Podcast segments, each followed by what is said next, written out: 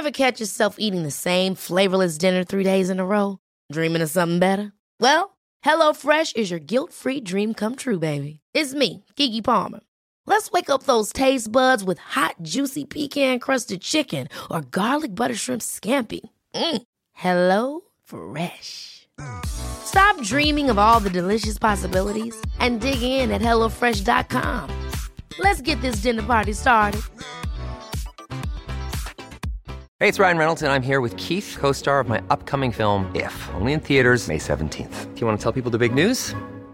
All right, I'll do it. Sign up now and you'll get unlimited for $15 a month in six months of Paramount Plus Essential Plan on us. Mintmobile.com slash switch. Upfront payment of $45 equivalent to $15 per month. Unlimited over 40 gigabytes per month. Face lower speeds. Videos at 480p. Active Mint customers by 531.24 get six months of Paramount Plus Essential Plan. Auto renews after six months. Offer ends May 31st, 2024. Separate Paramount Plus registration required. Terms and conditions apply if rated PG. There's never been a faster or easier way to start your weight loss journey than with PlushCare. PlushCare accepts most insurance plans and gives you online access to board-certified physicians who can prescribe FDA-approved weight loss medications like Wigovi and Zepbound for those who qualify. Take charge of your health and speak with a board-certified physician about a weight loss plan that's right for you. Get started today at plushcare.com slash weight loss. That's plushcare.com slash weight loss. plushcare.com slash weight loss.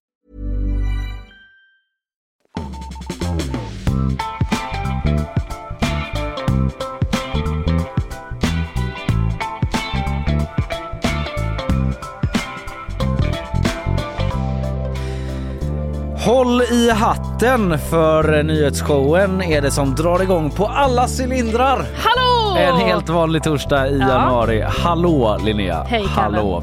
Eh, vi kom på en otrolig idé precis eh, innan Ja. vi drog upp eh, reglerna här. Vi har ju livequiz på skeppet. Eh, vilket datum är det nu? igen? 7 februari. 7 februari och vi funderar då på att ta med en av våra höga, höga stolar då här från studion Ja. så att du själv som kommer dit kan provsitta Ja. våra höga stolar som vi ofta Precis. talar om. Så här Är det liksom vi, då kan man bestämma för sig själv så här. Är det vi som klagar mycket och är dåliga Och tjatar och mycket. tjatar? Eller är det faktiskt jättesvårt? Det är en idé som vi kom på i stunden Mm. som vi får se hur eh, liksom enkel den är att genomföra. Blir Ta det lite på vagnen, jobbigt? Ja, exakt. Det är ju det. Ja, ja, idag i nyhetsshowen om att Sydafrika möter Israel i internationella domstolen i Haag idag. Frågan kolon bedriver Israel folkmord i Gaza? Det menar Sydafrika. Vad ska du prata om?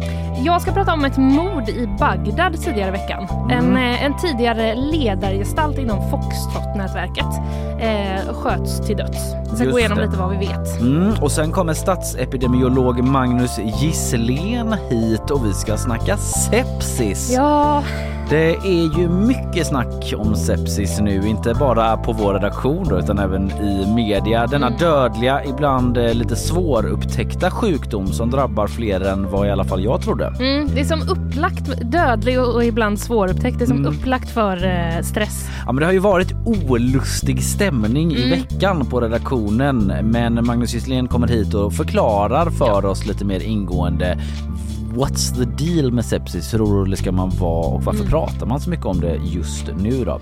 Sen bakvagn, osannolika fyndet på marken efter dörrpluggen som slets loss från planet i USA som jag snackade om i USA. De har hittat grejer där du. Mm. Och eh, dessutom ska jag tala om Fredrik som åkte lokalbuss från Stockholm till Göteborg och gjorde succé på Youtube. Wow, hoppas han gjorde succé i tidsspar höll jag på att säga. Det ska du bli varse. Ja, Spännande. Jag ska, ska berätta vem av alla riksdagsledamöter som pratar mest Mm. och minst. Spännande. Ja, och sen om en eh, kille vars bok han skrev för sex år sedan helt plötsligt har eh, liksom bara skjutit upp i höjden på boktopplistorna. Ja, Mm. mysigt. Mm. Jag säger inget vad det har att göra med. Nej, vi, eh, är, vi väntar spänt. Men du, har vi sagt att eh, Ebba von Sydow kommer också? Nej, det har vi inte sagt. Nej, det gör hon. Ebba von Sydow kommer hit också. Det är ju med anledning av att uh, drottningen har abdikerat så det blir ny kröning i Danmark på söndag tror jag. Precis, mm. strulputteprinsen som han var back in the day Precis. kommer nu, uh, som de ofta gör kungarna, att de ja. liksom börjar lite sådär struligt. Det, så är det i Storbritannien med och sen skärper de till sig. Mm. Ja, inte alla då, för att han har ju lämnat också. Ja, jo, ja precis. Inte alla. Men uh, sen så blir de lite mer statsmannamässiga ja. och tar över då. Ja, så Ebba von Sydow kommer hit, denna liksom legend inom Royal News. Royal News ja. Det ska bli kul. Eh, annars är det faktiskt första gången du och jag sitter där sen uppehållet. Ja. ja. Det känns verkligen precis som vanligt tycker jag. På ett jättebra sätt och tryggt. ja vad bra, Trygg att gå vidare in i nyhetsflödet.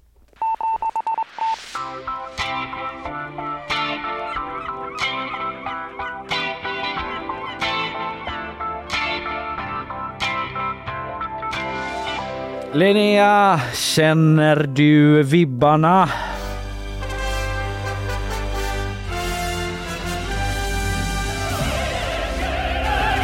Det är ju EU-val i år! Mm. Det stora EU-valåret. Blir du taggad? Eh, jag blir... Eh, nej, vet du, det är svårt. Inte ens när du hör Ode to Joy. Alltså, ja, den här låten är ju fantastisk. Men själva EU-valet i sig. Jag tycker det är svårt att tagga till. Europa Europahymnen hörde vi där. Ja men då är du nog inte ensam. Det mm. tror i alla fall inte kommissionens, alltså EU-kommissionens vice ordförande Margaritis Chinas. Ny bekantskap ska jag erkänna för mig. Precis, eh, men en, mig med. En grekisk man som innehar Aha, den posten. Ja, Margaritis okay. tänker man är en tjej. Ja, för att man tänker på Margareta. Exakt. Men eh, han är grek då. Han är grek. Och då mm. Eh, är han en kille. Ja. Margaritis Chias kille, brukar han presentera som.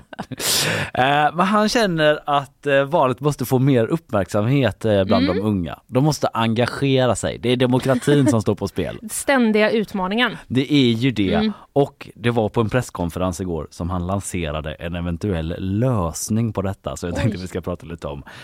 som jag läser på Omni. EU anropar Taylor Swift.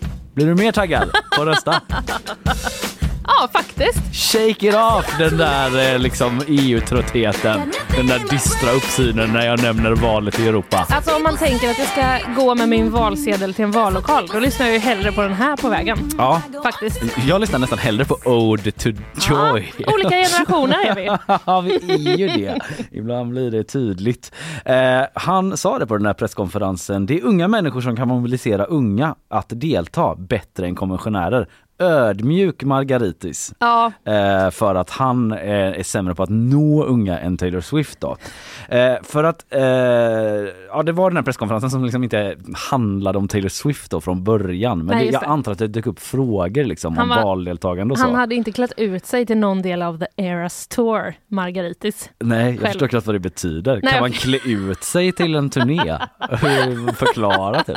What's that about? Det finns ju olika, eh, Taylor Swift har ju olika eras det är så här, nu är det den eran, nu är det den eran. Och då var det folk som, eh, när man gick på eh, spelning så valde man en och så bara gjorde man typ en replika av någon Aha, eh, typ av hennes typ scenkläder. Ah, liksom. okay. När mm. hon var lite country och när hon var lite mer Ja, alltså många de... jobbar liksom eh, mer, eh, det är mer liksom så baddräkt med mycket glitter. Ja, jag, förstår. Mm. jag förstår. Så det är inte så mycket jeans. Jag förstår, typ. Jag visar dig sen på internet. Det får du gärna göra. Eh, han sa att han hoppades hoppades eh, verkligen att någon från Taylor Swifts mediateam följde den här presskonferensen. eh, och kunde framföra den här uppmaningen till henne. För uppmaningen är att han tycker liksom att hon ska då mm, på något sätt dela kanske i sociala medier att bara hallå mm. hörni med alla Swifties, Ulf Kristersson till exempel, du kanske vet detta men det är EU-val i år. Ja. Uh, och, uh, och på så sätt hjälpa demokratin då. Ja. Och då tror hon, då tror inte Margaritis eh, Chinas kanske att Taylor Swift själv tittar på presskonferenserna. Nej. Den, eh, de typ höga tankarna har han inte om Taylor Swift.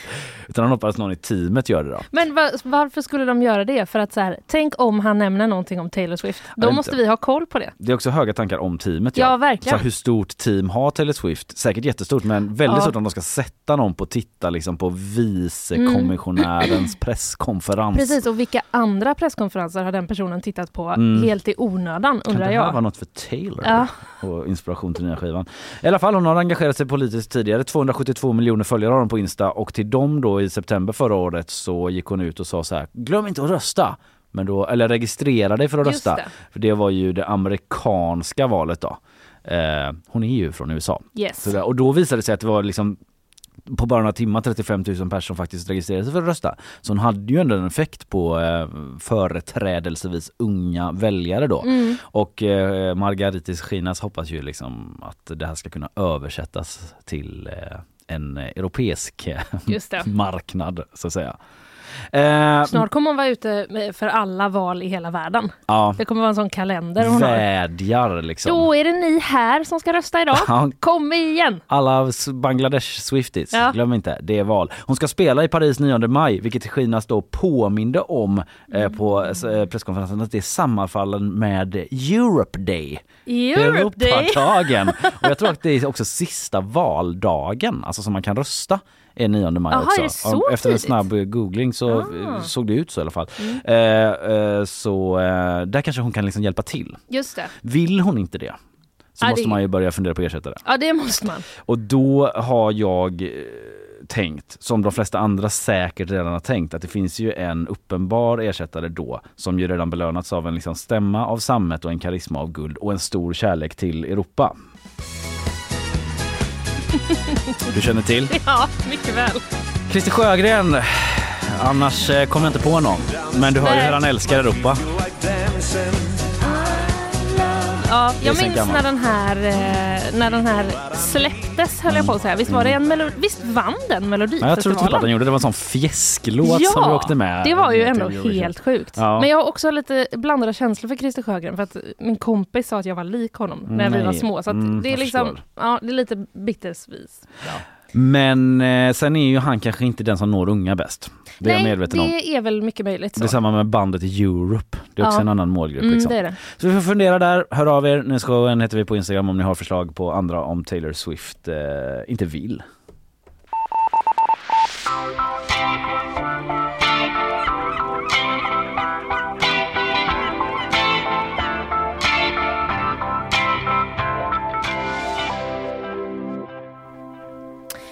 En tidigare ledargestalt i Foxtrot-nätverket sköts till döds i Bagdad i måndags. Det känner du kanske till? Ja. Mm. SVTs Diamant Salihu, han säger att den här mannen har tidigare tagit kraftigt avstånd från ledaren eh, Rawa Majid och att han också under de senaste månaderna har försökt alliera sig med personer runt om i Sverige och Norge. Just det, en eh ny gruppering. Mm, precis. Enligt SVT så greps då en 19-åring hemmahörande i Gävleborg mm. eh, misstänkt för det här mordet och de rapporterar också att han ska ha landat på flygplatsen i Bagdad dagen innan mordet. Han greps alltså i Irak då? Ja. Mm. Mm. Eh, och två andra svenska medborgare har också gripits, på mm. något sätt misstänkta för delaktighet i eh, mordet. Och enligt uppgifter till SVT igen då, så är det två män i 25-årsåldern. Okej, så ja. en 19-åring, två i 25-årsåldern. Ja, mm. det är ju eh, som du märker har jag redan sagt enligt uppgifter ungefär tre gånger. Ja. Och eh, det är ju det vi har. Det är hela tiden väldigt osäkert eftersom ja. det är så liksom, opolitliga miljöer ändå. Exakt. Kan man väl säga utan att förtala grovt organiserade brottslingar. Det att finns de liksom inte är så pålitliga kanske. Sällan presstalespersoner. Precis. Liksom, och eh, liknande saker att eh, kontakta. Det är också lite så källa diamant salihu mm. på eh, väldigt många av de här nyheterna. Exakt, ja. Det där känns som att det är ett specialavsnitt av liksom medierna någon gång. Ah. Alltså, du vet, så här, ah. inte att jag tvivlar på Diamant Salihu men hur mycket hela Sverige förlitar sig. Mm. Det är andra som har uppgifter också. Men en ja. liten reflektion av mig bara. Ja. Vad hände då, undrar man kanske? Det spreds ju flera klipp i sociala medier då efter eh, det här mordet och där syns då en bil med flera skotthål och en man som liksom hänger över ratten, mm. till synes eh, livlös. Det här mordet ska ha skett på en motorväg i Bagdad, några kilometer från eh, flygplatsen. Och vi kan lyssna på vad just Diamant Salihu sa då i SVT tidigare i veckan. Utifrån de bilder som väldigt snabbt började cirkulera så tyder det på att det var välplanerat. Eh, någon filmar liksom en bil som är bakomliggande från den här ledarens bil. Eh, någon som åker motorcykel, eh, kör ikapp och passar på när det är trafikljus och eh, närmar sig fordonet och avlossar ett tiotal skott eh, mot den här personen, avrätta honom. Eh, det viktiga för dem är att också dokumentera, visa att man har genomfört det här planerade mordet. Mm. Mm. Tyder på välplanerat, enligt honom då. Mm. Eh, den här ledargestalten då som dödades, han ska alltså tidigare då ha tagit avstånd från Rawa Majid och eh, också ha startat ett eget gäng. Ja, just det. Eh, och sen och se efter det så ska han ha varit i Irak. Eh, och han ska också då sedan ett tag tillbaka varit en prioriterad måltavla mm. för den här konflikten inom Foxtrot. Ja. Eh, och SVT rapporterar också då att han tidigare ska ha iscensatt sin egen död Ja det, det här minns, minns man lite, lite alltså, väldigt vagt att det var någon i den här miljön som skulle ha gjort det. Ja, ja det var ju tidigare i höstas, jag minns ja. inte exakt när det var, men eh, som det kom uppgifter om att någon hade dödats. Mm. Och sen eh, eh, strax efter det så dök samma man då upp i en livesändning på sociala medier. Så då har han slutat fejka sin död då? Ja. Ska, liksom en, en kortfejkning av ja, döden? Ja, precis. Eh, Diamant Salius eh, säger så här, personen hävdade att han var säker i Irak och utmanade till och med sina fiender att komma dit och försöka om de ville. Ja. Så ja, högt eh, tonläge. Högt spel. Högt spel, absolut. Och den här 19-åringen då, UD eh, Ja, först ska jag säga att UD har bekräftat då att en svensk medborgare har dött i Irak. Det är mm. ungefär så mycket de brukar säga, mm. om de eh, vet någonting. Och de bekräftar också då att en svensk medborgare har gripits i eh, Irak. Mm. Eh, men SvD rapporterar, som jag var inne på lite i början då, de hänvisar till källor inom polisen eh, och rapporterar att det är totalt tre svenska medborgare som har gripits. Mm. Alltså att alla de här ska vara svenska medborgare. Och 19-åringen då, han har enligt SVT kopplingar till den kriminella miljön. Mm. Och kriminalvården har i en utredning tidigare beskrivit honom då som spänningssökande, impulsiv och med ett bristande konsekvenstänk. Ja. Och han har tidigare dömts då för bland annat eh, grovt vapenbrott. Mm. Och eh, nu har han ju då gripits i Irak. SVT skrev också att han, liksom, ja, men kort efter gripandet, att han liksom satt i förhör hela natten, enligt källor som de hade där då. Mm. Eh, och skulle det bli så att han döms i Irak för att ha dödat med uppsåt, då riskerar han dödsstraff. Okej. Okay. Mm. Så är det. Eh, och här i Sverige så har ju då polisen också tagit till åtgärder på grund av det här mordet. Man ser eh, helt enkelt då en risk för hämndaktioner. Ja. Och en eventuell ny våldsvåg. Ja, det får man ju verkligen eh, se vad som händer då, för man har ju ändå upplevt att, eh, och det har väl varit tal om det, att den där senaste mest intensiva våldsvågen ändå lite grann har avtagit. Mm. Man har hört liksom sådana som Diamant Salih prata om att Rawa Majid är liksom så decimerad i styrka. Ja. Men eh, nu, eh, ja. Det kan ju vara en sån här sak som gör att det tar fart igen. Liksom. Ja, mm. det kan vara det. Eh, Hanna Paradis, nationell kommenderingschef på polisen, hon sa så här då på ett ganska byråkratiskt polisspråk mm. eh, till SVT tidigare i veckan.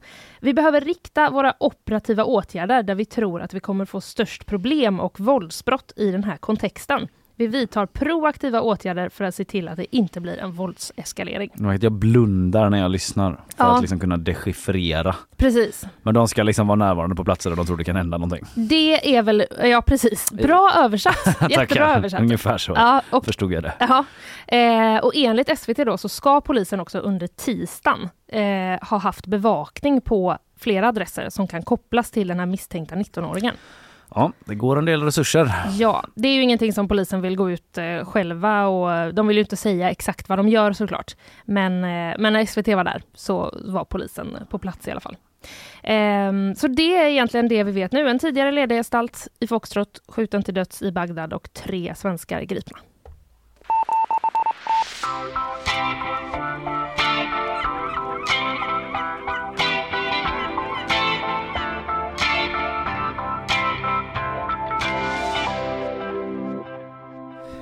Hon är tillbaka, det är vi glada för. Välkommen till jobbet Isabella Persson! Tack så mycket! Oj, en applåd! Ja, det ska du ha. Jag har inte sett dig på en månad Men det var länge sedan nu. Ja, hur är läget? Jo, men det är bra. Det är väldigt kul att vara här igen tycker jag. Ja, underbart att ha dig här.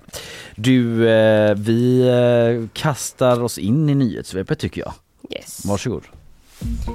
En man i 20-årsåldern har gripits i tullen på Arlanda efter att man hittat över en och en halv miljoner kronor i kontanter i mannens packning. Enligt Expressen var mannen på väg till Istanbul när tullen stoppade honom. Han anhölls senare under onsdagen av åklagare och misstänks nu för grovt penningtvättsbrott. Trump-kritikern Chris Christie hoppar av kampen om att bli USAs nästa president. Christie har tidigare varit guvernör i New Jersey och varit en av Trumps största kritiker och varnat för att nominera honom. Mycket på grund av de pågående rättsprocesserna mot Trump. Men Christie har inte lyckats samla något stort stöd och hoppar nu alltså av kampen. Det råder stor brist på busschaufförer. Enligt Västtrafiks bedömning så saknas omkring 1000 förare i Göteborg och upp mot 40 turer tvingas ställa in varje dag där turer på hissingen är värst drabbade. Nu har bolaget Keolis som bland annat kör kollektivtrafik här i Göteborg börjat locka med en bonus för personer som söker bussjobb på hissingen och Partille. Keolis uppges, uppger på sin hemsida att om man skickar in en ansökan om att jobba som bussförare på hissingen eller Partille och jobbar i minst sex månader så får man en bonus på 10 000 kronor. Och det är inte första gången företaget lockar med bonusar. I höstas fick anställda en hittelön om man tipsade om nya personer att anställa. Ja men vad tryggt att ha dig tillbaka Isabella, den välbekanta rösten även för Ja. lyssnarna där ute. Hittelön alltså för tips om uh, möjliga busschaufförer. Ska Ja, det tipsa om alla er. Ja, men det är ändå ganska många som potentiellt sett skulle kunna göra det. Ja. Ja, alltså tipsa eller vara busschaufför. Nej, men att vara busschaufför, jag säger, alltså Ja. om man bara liksom jag får en, jag antar att man får en liten utbildning typ. Det borde man När kanske man få börjar tycker där. jag. För då kan man ju ändå börja tipsa typ hej vilt. Men kan det vara så att tipset är villkorat? Att personen måste också säga ja till att bli busschaufför? Ja just just det. det. Inte jag, kom igen hörni. Det måste nästan måste det vara så. vara. Som kollektiv. Ah, just det. Ja men det är ändå rimlig Annars blir det invändning. väldigt dyrt. Annars blir det Ja, jättedyrt. Jag Ja. tänker att det finns ganska många som kanske vill det också. Mm. Ja. ja. Hittelön utbetalas då vid avslutad utbildning. Liksom. Men jag måste säga, Mm. tyvärr har ju den då den har ju gått ut i tipset. Ja, nu är det ju det. bonusgrejen då. Nu är det sig så nu själv det, behöver man inte ens tipsa utan nu kan man bara gå dit. Partillebonus, det Jajamän. låter som att det liksom skulle vara slang för något annat. Jag vet inte vad liksom. Partille, det blir Partillebonus på den. Eh, Isabella, vi hörs lite senare. Det gör vi.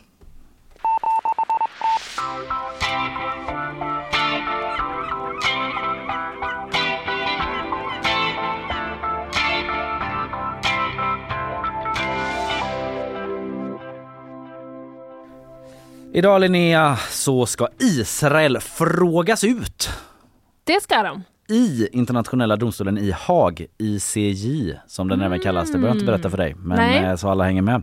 ICJ, en ganska big deal att frågas ut där ändå kan man ju känna. Mm. Det hade du inte velat eh, bli utsatt för själv. Absolut ej. Det är ju Sydafrika då för den som missat som anmält Israel för folkmord i Gaza. Och under två dagar nu med start idag så kommer både Israel och Sydafrika att höras och lägga fram sina argument. Först är det Sydafrika idag, imorgon är det Israel.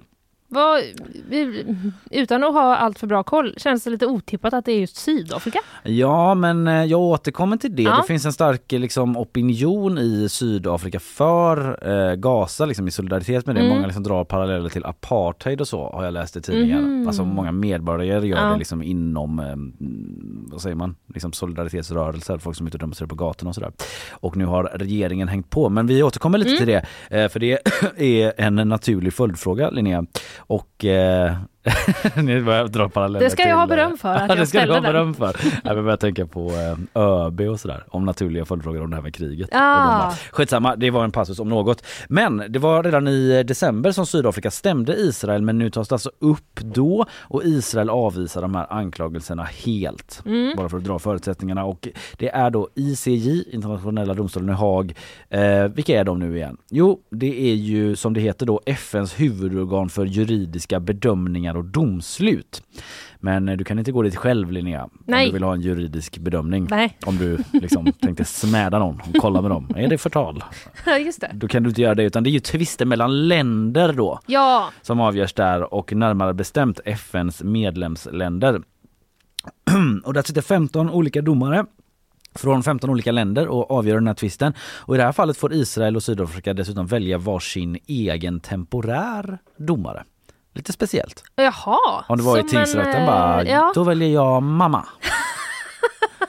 eh, Men eh, de får ju välja varsin då, Ja. så det balanseras ju upp. Som en, eh, en advocate får de välja liksom. Ja, jag antar det. Mm. Att det är någon som liksom, ja precis. Eh, så så går det till och det är Sydafrika då som menar att Israel, eh, det de gör är att de inte respekterar folks, eh, den folks, folkrättsliga skyldigheten länder har för att förhindra folkmord. Och man beskriver sin stämningsansökan då som det heter att man tycker att det som sker i Gaza är folkmord och då hänvisar man bland annat till olika uttalanden Alltså i sin bevisning hänvisar man till uttalanden från eh, andra länder som liksom också varit inne på detta men också experter som säger att det skulle kunna handla om folkmord i Gaza. Men man tar också upp vad eh, olika eh, israeliska representant, representanter sagt vid olika tillfällen. Typ eh, presidenten Netanyahu och försvarsministern som man tycker då pekar i den riktningen. Eh, menar Sydafrika då. Mm. eh, eh, att det finns en avsikt med folkmord. Jag läste i Dagens Nyheter en grej som den israeliska högerpolitikern Bezalel Smotrich sagt som lyder så här, som används i bevisningen då av Sydafrika. Om det finns 100 000 eller 200 000 araber i Gaza och inte 2 miljoner kommer hela dagen efter kriget diskussionen att se annorlunda ut. Det är ett uttalande som de eh, lyfter i sin bevisning och att polisministern uppmanat till frivillig migration av Gazabor eh, lyfter de som ett, bevis på att de Mm. liksom ska fördrivas då. Mm. Och eh, kulturarvsministern, det här var en grej som fick ganska stor uppmärksamhet eh, förra året då men eh, han sa att det var liksom ett alternativ ändå att släppa en atombomb över Gaza. Oj. Ja, så det är den typen av citat som man Mm. lyfter. Eh, men president Netanyahu han har tidigare sagt liksom nej Sydafrika, det är, vi som, det är inte vi som försöker begå folkmord, det är Hamas. Och att de kommer fortsätta med sitt defensiva krig var, eh, liksom vars rättrådighet och moral saknar motstycke, sa Netanyahu. Så ganska olika bild minst Mhm. Ja. sagt. Och det här med att olika ministrar har sagt de här sakerna, eh, det säger de att så här, det är inte den officiella israeliska linjen. Nej. Det de säger. Men då menar andra, jaha, varför har ni massa ministrar som inte följer den officiella Mm. linjen då? Mm. Och då menar Israel, ja men vi tar all tänkbar hänsyn till civila. Så, ja. så, så går diskussionen Okej. ungefär då. I alla fall, Sydafrika har uppmanat domstolen då att beordra Israel att avsluta sin militära insats. De vill att eh, de ska Lägga ner. lägga ner. Och då skulle domstolen kunna införa en så kallad provisorisk åtgärd, vilket är ganska ovanligt. I en artikel på gp.se förklarar Joakim Åman, eh, han är från Göteborgs universitet, professor i internationell rätt, eh, lite, lite mer fördjupande Mm. eh, kring det här med provisorisk åtgärd. Så jag kan rekommendera den eh, artikeln. Men tanken med sådana provisoriska åtgärder är att de ska kunna användas när det är brådskande då. Okej. Eh, Så att det är det Sy- Sydafrika hoppas att man ska liksom införa en sån provisorisk åtgärd som är ett krav på att avsluta militära insatsen.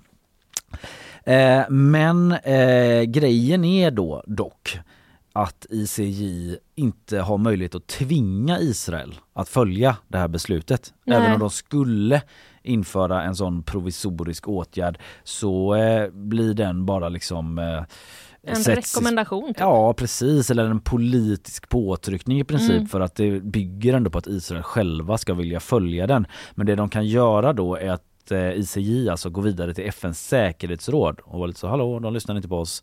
Eh, och då skulle, skulle säkerhetsrådet kunna eh, som en sista utväg då besluta om kollektiva militära insatser mot en stat. Mhm. Men det är ju liksom som en sista utväg typ. Ja, det låter ju som att trappa upp.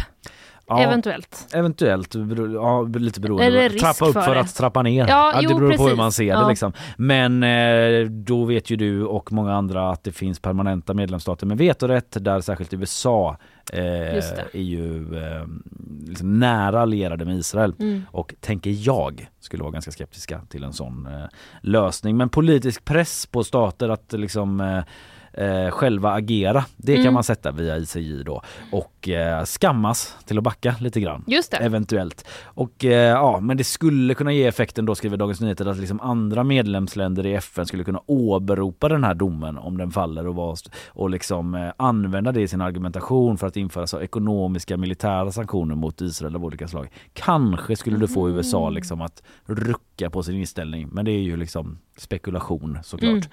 Men Eh, både Sydafrika och Israel har i alla fall skrivit under den här folkmordskonventionen från 48 och det är den, alltså några år efter förintelsen då, och det är den Sydafrika menar att Israel bryter mot nu. Mm. Och eh, det är det man ska liksom lägga fram sina bevis för idag i Haag och imorgon är det Israels tur och eh, försvara sig. Och vi kan väl avsluta då med att komma in på det som du frågade om i början. Ja. Varför just Sydafrika? Ja. Varför är det de som gör det här?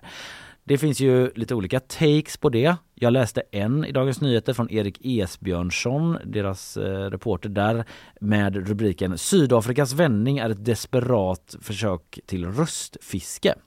Mm -hmm. Så han har eh, en sådan ingång då att det är regeringspartiet ANC i Sydafrika som är desperata inför ett kommande val i Sydafrika. Det har liksom varit lite stormigt kring ANC och det är därför de eh, går fram med det här eftersom de eh, täpar in då på den här rörelsen bland medborgare ja, i Sydafrika. Ja. Mm. Som jag sa inledningsvis, liksom många typ känner med Gaza, de tycker att situationen tidigare har påmint om apartheid, mm. tycker liksom folk där då en del och eh, då eh, menar Esbjörnsson typ att eh, ANC rider på den vågen nu inför mm. valet för att de var in... Man vill plocka poäng.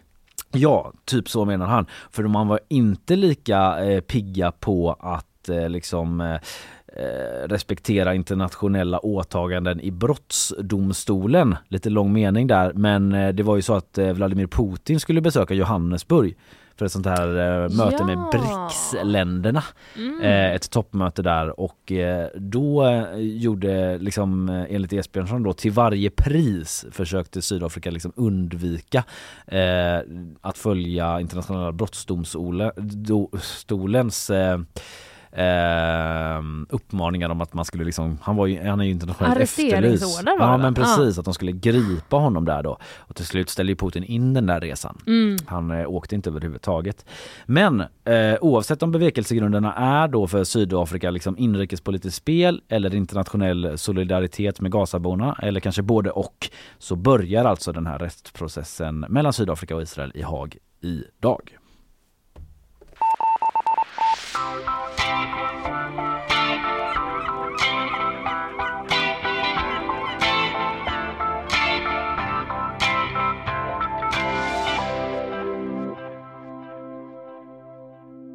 Sepsis, sepsis, alla snackar sepsis. Nej tack. Var inte skeptisk.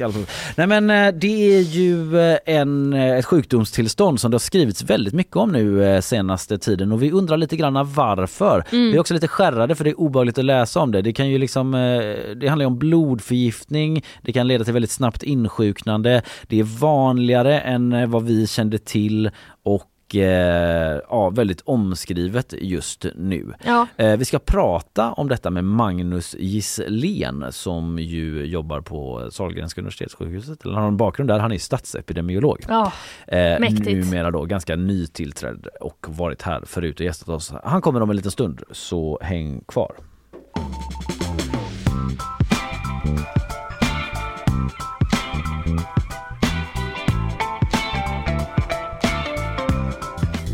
Helt plötsligt så pratar alla om eh, sepsis. Här är några bara av de senaste veckornas eh, rubriker. Dramatisk ökning av sepsis, sökte vård tre gånger, dog i sepsis, skulle operera bort njursten, fick sepsis.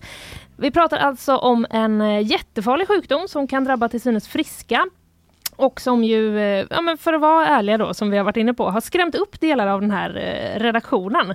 Varför är det här på allas läppar? Eh, vad är det för någonting? Eh, med oss för att nu lugna, eh, skrämma eller då i alla fall nyktert förklara för oss allt vi vill veta är Sveriges statsepidemiolog Magnus Gisslén. Välkommen! Tack så mycket! Du, eh, den här känslan som vi har om att eh, det känns som att det pratas och skrivs mycket om sepsis nu, alltså, håller du med om det? Ja, först kan man säga att sepsis är egentligen ett väldigt brett begrepp och det ja. vi pratar om nu det är ju en speciell typ av sepsis som orsakas mm. av grupp A streptokocker, en speciell bakterie. Okay. vi pratar om invasiva grupp A streptokocker. Och anledningen är ju att vi nu under förra året såg en väldigt kraftig ökning. Vi såg väldigt många fall mm. av den här jätteallvarliga infektionen. Så att det, det, absolut så är det så att det här är en väldigt allvarlig infektion och att det är klart varje fall som blir sådär det är ju ja, besvärligt och tragiskt på många sätt. Och klart är det då väldigt många så blir det ju mycket rubriker också. Mm. Men kan du beskriva då den här infektionen? Vad är det som händer och vad kan det få för konsekvenser? Ja, grupp A-streptokocker är en vanlig bakterie. Det cirkulerar liksom i befolkningen jättemycket. Man kan få, en del går med det utan att veta om det, särskilt äldre barn och ungdomar kan gå med det som bärare. Men så kan man då få halsfluss, man kan få ytliga hudinfektioner, man pratar om svinkoppor eller impetigo, det kan vara rosfeber, en, liksom lindrigare infektioner. Mm. Men i enstaka fall då kan det ge väldigt, väldigt allvarliga invasiva infektioner. Och det kan vara sepsis, alltså blodförgiftning och det kan vara en blodförgiftning. Den här bakterien bildar också gifter, toxiner som kan slå ut olika typer av organ så man kan bli urdålig. Den kan också ge djupa infektioner i mjukdelarna så den går ner till och med ner i muskeln på till exempel en arm eller ett ben. Och man, man kan få väldigt, väldigt kraftig smärta och bli jättedålig. Det är ju någonting man kan dö av. Mm. Just de här djupa mjukdelsinfektionerna är något man kallar för nekrotiserande fascit. Och det beror på nekrotiserande beror på att någonting dör då, då är det att muskelvävnaden blir så dålig så den dör och så får man en sån. Men det är då man kan bli tvungen att amputera typ? Och så. Precis, det är ja. inte helt ovanligt. Där krävs det i varje fall kirurgi, att man öppnar upp den här muskelfascian, alltså som är hinnan över muskeln för att inte den ska bli instängd infektionen. Mm. Och mycket annan så att säga, behandling också med intensivvård. Så att det är jätteallvarliga infektioner. Mm. Men eh, vet man varför det har ökat då? Ja, det där är en väldigt intressant fråga eh, och det finns nog en del olika förklaringar för att sannolikt är det så under pandemin som så många andra sjukdomar så såg vi väldigt få fall. Eh, och det är ju nästan, jag kan ju nästan bli förvånad att vissa sjukdomar försvann ju nästan för att vi då isolerade oss. Vi pratar, pratar ibland om att vi var dåliga på att isolera oss i Sverige och jämfört med andra länder men vi var tillräckligt bra för att väldigt många infektioner nästan skulle försvinna. Mm, jag kände mig ganska isolerad. Mm, du, ja, precis. Allt är relativt. Så. Men det är klart att då... ursäkta mig. Ja, det är ingen fara. Jo, då när eh, man inte träffar varandra, de här infektionerna inte cirkulerar, bakterierna och virusen cirkulerar inte, så försämras immunförsvaret. Mm. Och det är klart nu efterhand, efteråt när vi börjar träffas mer och mer så liksom finns chansen för bakterierna och komma åt mer, att det blir fler som är mottagliga helt enkelt. Då blir det väldigt många infekterade. Mm. Och i det här fallet är det nog så att vi har jättemånga som är infekterade fast med lindriga symptom och sen en liten, liten del kan få så här allvarliga besvär. Mm. Finns det, jag bara funderar, kan man bygga upp någon slags immunitet mot de här A-streptokockerna? Om man till exempel som vissa personer kanske har haft svinkoppor i tonåren. Är man liksom, har man mindre chans då att drabbas ja, igen? Eller? Eh, lite, det är inte så att man får någon eh, absolut immunitet. För streptokocker har vi nog alla haft eh, liksom, genom åren, mm. och särskilt som barn. Då. Men det är klart att stöter man inte på bakterierna alls, så som befolkning så blir det nog så att då har vi en större risk att få infektionen. Och sen är det kanske inte så att det är bara de här invasiva som är större risk utan det är nog alla streptokockinfektioner. Mm. mm. Men det är en liten del och det är det annars också som blir så svårt sjuka. Men är det, förlåt, alltså bara för att förtydliga så jag hänger med, men de här streptokockerna då, är det liksom, för man pratar om det här med öppna sår och streptokocker, är det liksom om de typ hamnar i ett sår? Är det ja, den vägen eller kan det ske det på en, andra sätt? Det är en väg, precis. Ja. Att, det, det, att man har något litet sår, det är en, ty, en typexempel på en infektion. Ja, så kommer in streptokocker och ibland behöver man inte ens märka det. Man kan få lite besvär på det där såret men det kommer sen då vidare in i blodet och mm. ser en infektion. Men det kan också ta sig in på andra sätt och vi vet till exempel om man, eller sannolikt ska jag säga, om man har andra luftvägsinfektioner som influensa. Mm. Där finns det en samvariation i varje fall att det finns en högre risk att också få en streptokockinfektion. Mm. Vi vet inte säkert, det behöver ju inte vara så att säga, ett samband som är det vi kallar kausalt, alltså ett orsakssamband. Det kan vara så att det samvarierar men det kan vara så att luftvägsinfektioner, man får en påverkan på slemhinnorna i luftvägarna mm. och det kommer in den vägen. Vattkoppor är en sån här annan sak som vi vet att barn med vattkoppor har en ökad risk för att då kan liksom det ta sig in via en skadad mm. hud som helt enkelt bakterien tar sig in. Men hur orolig ska man vara? För att jag, när man läser sånt här så är man ju ändå ganska mottaglig för oro typ när man sitter eh, med de artiklarna och jag menar typ som jag hade så rakat mig häromdagen och hade ett litet sår och så ska man in på förskolan där mm. det liksom vet att det kan lura en och annan streptokock liksom. Det är inte helt osannolikt så här bara hur, vad liksom, bör man tänka på någonting då eller ska man bara leva som vanligt eller vad säger ja, Nej men man ska, det här, jag menar det här är, vi ska komma ihåg det, det här är ju jätteovanligt. Vi hade förra året då drygt 1300 fall av invasiva streptokockinfektioner. Mm. Och tittar man liksom på en befolkning på över 10 miljoner så är det ju extremt ovanligt. Mm. mm. Så gå runt och vara orolig ska man inte vara. Däremot ska man ju vara observant och det är ju jätteviktigt att vården är observant. Mm. För det viktiga är, det här kan gå jättesnabbt. Man kan bli sjuk på, man kan vara från att känna sig hyfsat bra så kan det gå några timmar tills man är jättedålig. Mm. Och det är klart, då måste ju vården... Nu går pulsen upp. Ja, men då ska man, och då märker man det. Va? Då måste ja. man söka vård och det mm. har vi ett bra system. Man kan ringa 1177 mm. om man är osäker. Och så. så kommer man in till vård och då måste vården ta hand om en. Det, mm. det är viktigt. Vad är det för symptom då som, som man kan få på de här timmarna? Ja, det, förutom det att man kan få, om man då får en djup mjukdelsinfektion, att man då får ont i en arm eller ett ben eller någonting. Det, mm. det, och det gör jätteont, inte bara att man har som lite att träningsvärk. Det är, nej, nej, det är en mm. fruktansvärd smärta. Ja, vad skönt att du säger det. Så att det man kan man, bli lite så. Ja, men det, det, det kan inte jämföras. Och det andra är ju då att man ofta blir väldigt dålig. Mm. Man får, oftast feber men inte alltid. Det kan ibland gå utan feber. Man, man känner sig liksom väldigt risig i kroppen. Man får nedsatt allmäntillstånd som vi säger. Man liksom orkar inte. Men den är så jobbig upp, för det kan man ju få om flera saker. Ja fast inte på det här sättet. Nej, okay. Här blir man riktigt, man märker att det här är någonting som är mer än det vanliga. Mm. mm. Eh, det är ofta så att man kan få lite påverkad psyke. Man kanske till och med blir förändrad. Man, man känner sig annorlunda. Medvetenheten kan gå ner. Alltså medvetandet kan försämras. Mm. Så att kan man, man se. liksom är lite däck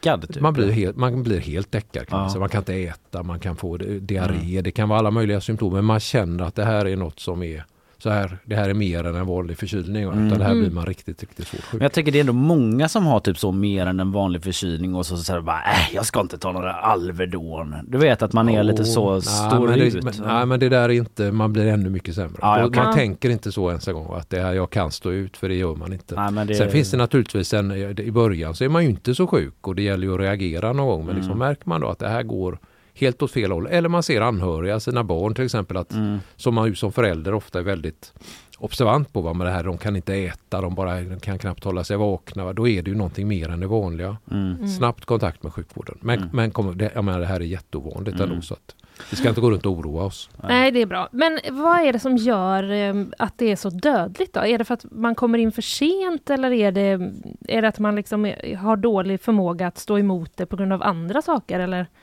Ja, det, det, är en, det är nog en kombination. Det där är en, en, svår fråga att svara på. Det är flera saker. Dels är det ju så att vi, vi, vet ju att det här är en bakterie men det finns också andra bakterier och andra infektioner som kan drabba oss även när vi är helt friska, även unga personer och som vi faktiskt kan bli så dåliga så att vi dör av. Mm. Det är ju någonting som vi som infektionsläkare har sett alltid, att det är oerhört tragiska fall men det kan drabba vem som helst. Och det är nog en kombination av dels hur smittämnet ser ut. Vi vet att de här grupp A-streptokockerna kan vara väldigt, väldigt aggressiva. Det finns andra bakterier också. Men sen är det också olika genetiska faktorer. Vi ser olika ut genetiskt. Vårt DNA ser olika ut. Vi har en eh, olika bra förmåga att klara olika typer av infektioner. Vi vet att vissa, eh, vad ska man säga, vissa individer har större risk att få de här allvarliga eh, grupp A-streptokockinfektionerna. Mm. Men det kan drabba vem som helst. Men sen är det du säger, det är det här med hastigheten. Va? För att vi klarar nästan alla. Jag menar dödligheten är någonstans kanske 10 dör eh, inom 30 dagar efter en sån här infektion. Och det behöver ju inte bara vara av den här anledningen men, men, men, så ser det ut. Och, men där är, hastigheten är enormt viktig för kommer man in för sent då kan man med trots den mest avancerade sjukvård som finns så, så kan det i vissa fall vara så att vi inte klarar de här patienterna.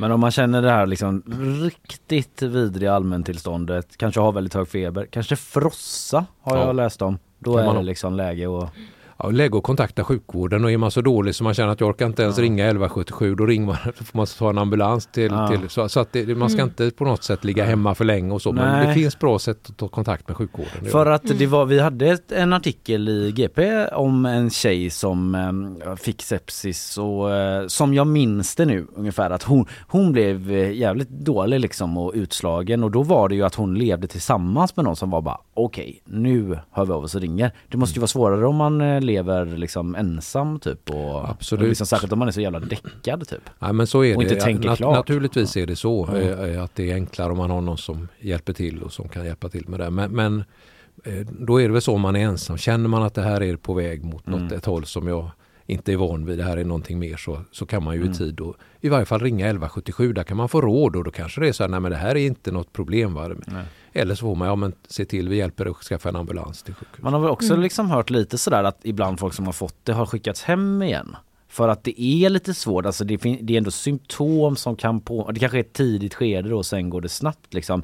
Har man eh, inom vården, typ hur pratar man om det? Liksom, finns det en större medvetenhet om det nu för att det har skrivits mycket eller har det alltid varit typ samma, att man vet ungefär eller hur skulle du beskriva ja, det? Men där är ju problem de som då inte får diagnosen korrekt när man faktiskt söker sjukvård. Mm. Och det ska ju inte hända. Sen kan det vara svårt, absolut i vissa fall. Det låter svårt för mig Ja, som det kan det vara. Men samtidigt är vi, ja. jag menar, vi är professionella i sjukvården. Ja. Vi ska klara av det där och just de här infektionerna ska man inte missa. Eh, och det är klart att den uppmärksamheten som har varit det positiva med det är ju att även för vården så blir man mer observant på detta. Eh, så att det, det tror jag. Sen är det någonting som ju jobbas med på alla akutmottagningar och så vidare. Så, så det är sällan det missas men sen klart sådana fall finns ju också. Mm. Vad händer, eh, jag tänker om man, om man kommer in till sjukhus med en ambulans till exempel och är liksom helt sådär supermedtagen. Vad, vad får man för behandling? Ja, det, det beror lite grann på men det här är en bakterie så antibiotika är ju liksom en grundförutsättning Mm. men det räcker ofta inte med antibiotika. Eh, utan det behövs mer och antibiotika får man ju då via direkt in i blodet via injektioner eller via dropp. Men många gånger krävs det intensivvård. Man behöver hjälp. med- Jag menar, det kan vara organ som är påverkade. Man behöver stödjande hjälp för, för organen. Man kan behöva respiratorbehandling på intensivvården.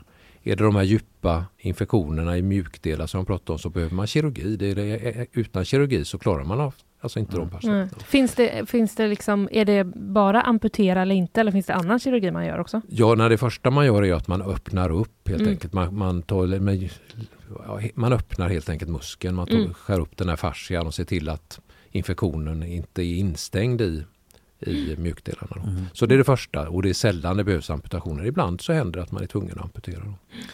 Finns det några som är i eh, större riskgrupp då för att få svåra komplikationer? Ja, det finns olika som är och det här är ju till exempel är det som, som väldigt många sjukdomar har man andra underliggande sjukdomar som har en högre risk att bli svårt sjuk förstås. Men, men det, kan, det viktiga är ändå det kan drabba vem som helst.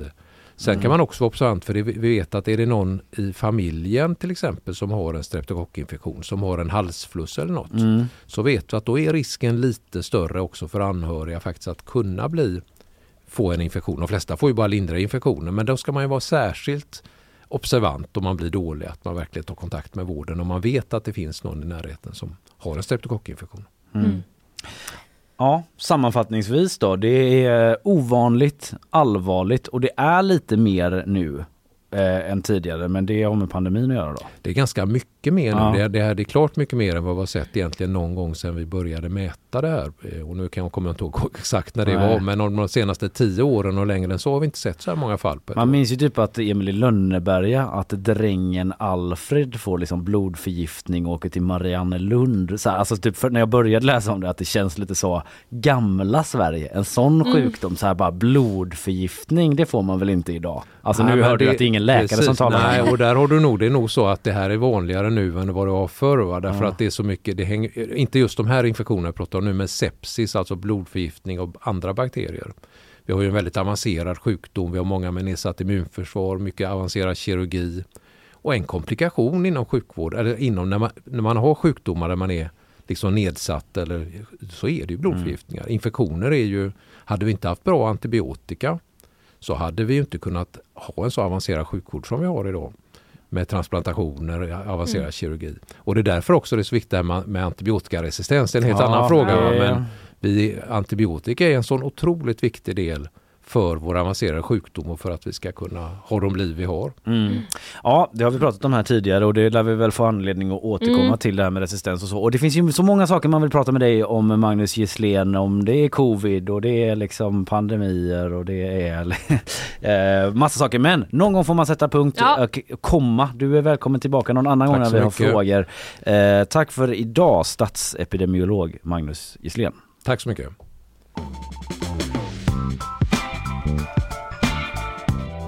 Svennis eh, mumlar Isabella Persson lite grann här när hon eh, går fram till mikrofonen. Tyvärr inga roliga nyheter om Svennis. Nej okej, eh, låt höra. Det är ett tråkigt besked som har kommit här under morgonen. Eh, fotbollstränaren Sven-Göran Eriksson är det vi pratar om. Ja. Eh, han gick i februari förra året ut med meddelande att han tvingas begränsa sina fotbollsuppdrag. Just det, Och det hade jag an- glömt. anledningen var då att han hade drabbats av hälsoproblem. Eh, mer än så vill han inte berätta då. Men i söndagsintervjun i P1 nu så berättar han att han drabbats av cancer i bukspottkörteln. Mm. Mhm. Och eh, säger att han kan ha mindre än ett år kvar att leva. Aj då. Mm, så det är en allvarlig, ett allvarligt hälsotillstånd. Hur gammal är han nu för tiden Svennis? Bra fråga. Jag tror att han är runt 80 va? Ja. Det kan vi göra en snabb googling kanske och få reda Ja, på. ledsen att sätta dig på pottkanten. Nej, det var inga fara. han, är, nej, han är 75. Ja, det, Mm. det var faktiskt yngre än jag trodde. Mm. Ehm, ja, men det är första gången då han berättar om det här var det. Det var i februari förra året som han gick ut via Mm. hans fotbollslag då i Karlstad och bekräftade att han tog ett kliv tillbaka. Man kanske bara snabb kontext på Svennis för de som inte är intresserade av fotboll och är Ja. typ lite yngre att han är ju liksom kanske den mest framgångsrika svenska fotbollstränaren någonsin om man sätter meriter och så. Absolut, det som han är väl mest känd för. Eh, han har ju varit här i Göteborg och tränat och sådär men det som kanske är hans största merit är ju att han var fotbollstränare för engelska landslaget. Ja, det är Ett- väldigt sällan någon utlänning Ja. är det Ja. överhuvudtaget. Mm. Och, Mm, exklusivt. Det var liksom Verkligen. eh, ett, ett eh, otroligt, eh, efterhand man pratar om det, också ett otroligt, otroligt bra engelskt landslag med bland annat David Beckham som han tränade så. ja, Så han hade precis. liksom de stora meriter har han haft absolut. Magnus Svensson Starts, not Anders Svensson. det är klassiskt från gammal VM-krönika, skitsamma det var för finsmakarna. Mm. Ja, eh, men han försöker i alla fall vara positiv då. I, så positiv man kan vara säger han. Se det positiva i saker och ting, inte gräva ner sig för motgångar för det här är den största motgången givetvis. Säger han i Givetvis. intervjun. Mm. Jag tyckte det var ett så här, lite att sätta i kontext då för att man har varit i sportvärlden att eh, ofta så pratar man om sportfloskler, alltså lite sådär, man säger vi måste se det positiva i saker Mm. och så är det ganska fint när man hör sånt, när det faktiskt är betyder väldigt mycket på Ja. riktigt Mm. liksom. Ja det Översätter det till livet utanför sporten. Mm. Ja, ja, ett sätt att hantera det. ja. Ja det var tråkiga nyheter men Ja. eh, vi eh, har lite fler Jag har sportnyheter. lite gladare sportnyheter. Ja. Eh, Jag avslutade 2023 med att sammanfatta sportåret Mm. 2023. Nu Ja. börjar jag, med lite, börjar jag mitt arbetsår med att prata sport igen då. Men eh, gladare nyheter, vi har ett nytt eh, mästerskap på gång. De tar aldrig slut de här mästerskapen. Eh, Handbolls-EM har dragit igång, det gjorde det igår. Va? ja, så är det. Alltså, vad, hur mycket sport finns det? Nej, men det tar aldrig det finns slut. helt otroligt. Ja. Alltså jag är verkligen också så insomnad sportpublik eh, Ja. person. Du jag bara, inte ens visste "Va?" att det pågick. Det hade varit helt otänkbart för 15 år sedan att jag inte hade koll på det. Aha. Mm. Nej men det, det, det går inte att hålla koll på allt. 15 år sedan också. Det är ganska länge sedan. Jag säger eh, sex år sedan, fem år sedan. För, före Mm. barn. Ja, före barn. Ja, det var det. Åh, Internet, det hade varit helt otänkbart för 20 år sedan. Typ Gammelshowen Ja, 30 live från. GP-huset. Mm. Men det är alltså EM, vart är det? Är Det är Sverige Tyskland. med? Det är herrarna, Sveriges herrar som går in i mästerskapet. De börjar idag, Turn- turneringen började igår. Och eh, Sverige går in som regerande mästare. Ja, det här hörde jag i förbifarten och kände Varsågod. bara va? Är det jag kände sant? lite samma. Ja, Men eh, just det, du har ju skickat ett klipp till mig här. Ja men det har ju, det var, blev, har nästan blivit en modern klassiker från förra handbolls, eh, gången vi spelade handbolls-EM. Det var Jim Gottfridsson, Sveriges kapten, som liksom hade Mm. i t- sista timeouten då när allt skulle avgöras där så liksom ställde han sig och skrek. Vi kan väl lyssna lite. Hör Ja. vi något? Ah, vänta här nu, berätta lite till om det för att det var, jag ska fixa här så man, vi hör det ordentligt men just det, det var ju mot Spanien i finalen för jag börjar komma ihåg det lite grann Ja. när du eh, säger det. För hela ert liv, någon sån där skriker. Kom igen nu, ni hör det sista vi har. Ja, ah, nu verkar det inte Nej, riktigt det funkar inte. Skicka den till mig annars. Ja, men eh, Här kommer det. För hela ditt jävla liv, håll han i ryggen! Så får du mellan benen. Ja. Väck, kör vi bara. Hej, hej, hej, lyssna, lyssna! Är det så att du får läget, så ta det! Han är dålig på kanten, kör! Ja, jag hoppas man hörde det ut där. Ta läget, han är dålig på kanten, kör vi. Så här skulle jag vilja att eh, Emily och Karl stod och skrek Ja, innan sändning. Ta den nu Linnea, han är dålig Han på är det här. dålig på det! Kalle är så dålig på detta! Du Kör det! Det är också så klassiskt sportkillar, eh, människor kanske, att eh, skippa nu på kör vi. Man bara kör vi. Kör vi. Ja, Kör vi. det. Är det inte skånskt bara? Jag vet inte, jag hade en kille i mitt fotbollslag en gång i tiden som alltid sa varje, varje gång matchen börjar, så när domaren blåste, det var som en, nästan en tvångstanke, han hade sa Kör vi gubbar, kom igen! Kör vi gubbar, kom igen! Det tycker jag känns som att alla eh, i hela fotbollslaget brukar skrika så. Ja, kör vi gubbar, kom igen! Det brukar vi säga ibland. När man ska göra någonting, gå på vagnen så. Kör vi gubbar, kom igen! Eh, Okej, men Sverige spelar ikväll alltså? Ja, de går in i mästerskapet eh, mot eh, Bosnien-Hercegovina. Är deras första motståndare i och det spelas... Halvlurig match typ, eller? Ja men alltså, Det känns som de är bra på handboll. men handbolls-EM är ju sådär Alla är bra typ. Ja men exakt, det är det som är grejen med Ah. handbolls-EM för man pratar om Alltså i, i handbollskretsar så blir det liksom som att EM är ju liksom Europa är väldigt bra på handboll så det är väldigt väldigt många bra nationer. Mm. Och på handbolls- Balkan är man ju ändå traditionellt Ja duktiga men på handboll. alltså, det är väldigt många duktiga nationer med. Huvudfavoriten är eh, Danmark. De är oddsfavoriter till att ta det här guldet. Eh, Spanien och Frankrike eh, ses som utmanare ihop med Sverige då, som ska försvara det här guldet. Eh, en bara, alltså det har redan kommit liksom toppennyhet från det här mästerskapet. Det är goda förutsättningar för ett bra mästerskap. Det var i premiärmatchen igår i Tyskland så var det matchen spelades i Düsseldorf och det har- blev liksom publikrekord. 52 586 personer befann sig i arenan. Oj! Och Det är ju helt sjukt. jag mycket. såg inte matchen men jag såg liksom bilder efteråt och det som ser ganska roligt ut för att 50 000 på läktare är ju skitmycket. Mm. Men på en fotbollsplan så är ju en fotbollsplan ganska stor ändå. Alltså du kommer runt. Men Ja. handbollsplan Mm. är ju så jävla liten Mm. relation. Så har du 52 000 personer runt en handbollsplan, den ser ju så Ja. pytteliten Det ut. blir vansinnigt. Jag kommer att jag varit på handboll i så typ Allingsås när jag jobbade som sportreporter back in the day. Ja. Och det blir så jävla intimt. Ja. Det är sånt otrolig ljudkuliss Ja. liksom. Det är helt galet. Och så, bara, Och så är sporten vid mål hela tiden också. Ja, det är en Just rolig- det det är en rolig publiksport. Det är Ja. sällan man är i mitten av plan. Är Jim Gottfridsson med i år igen då? Ja. Han som skrek här i, i liksom. Ja, jag har inte koll på truppen men Ja. ja, Ja. säger jag bara. Ja. Det är klart han Ja är. det är klart han är. Ja, ja men spännande. Sverige kliver alltså in i turneringen ikväll då. Ja, Ja, då eh, får vi se vilka som sitter bänkade. Isabella Persson lär Ja. göra det. Ja, tack så länge.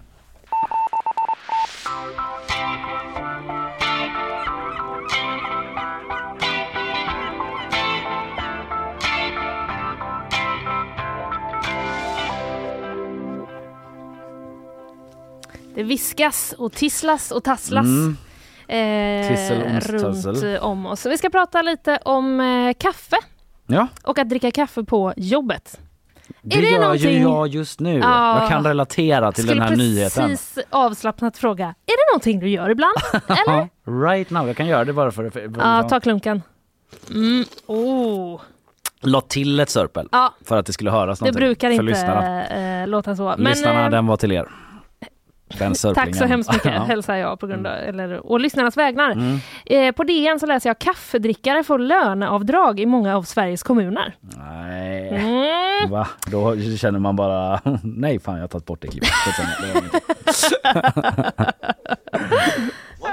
Oh, vad händer?